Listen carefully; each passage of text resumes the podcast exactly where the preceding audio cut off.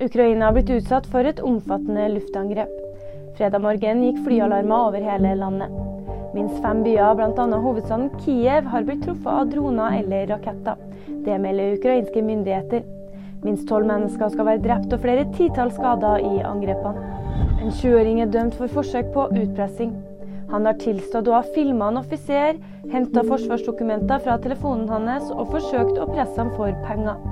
Mannen er dømt til 45 dager betinga fengsel. Det er snøskredfare flere steder i landet. Det er sendt ut varsel til Troms, Nordland og Møre og Romsdal inn mot helga. Det vil si at faren for at snøskred utløses er mulig, også ved liten belastning i bratteng. Under spesielle forhold kan det forekomme noen store og enkelte svært store naturlig utløste skred. Og nyheter det finner du alltid på VG.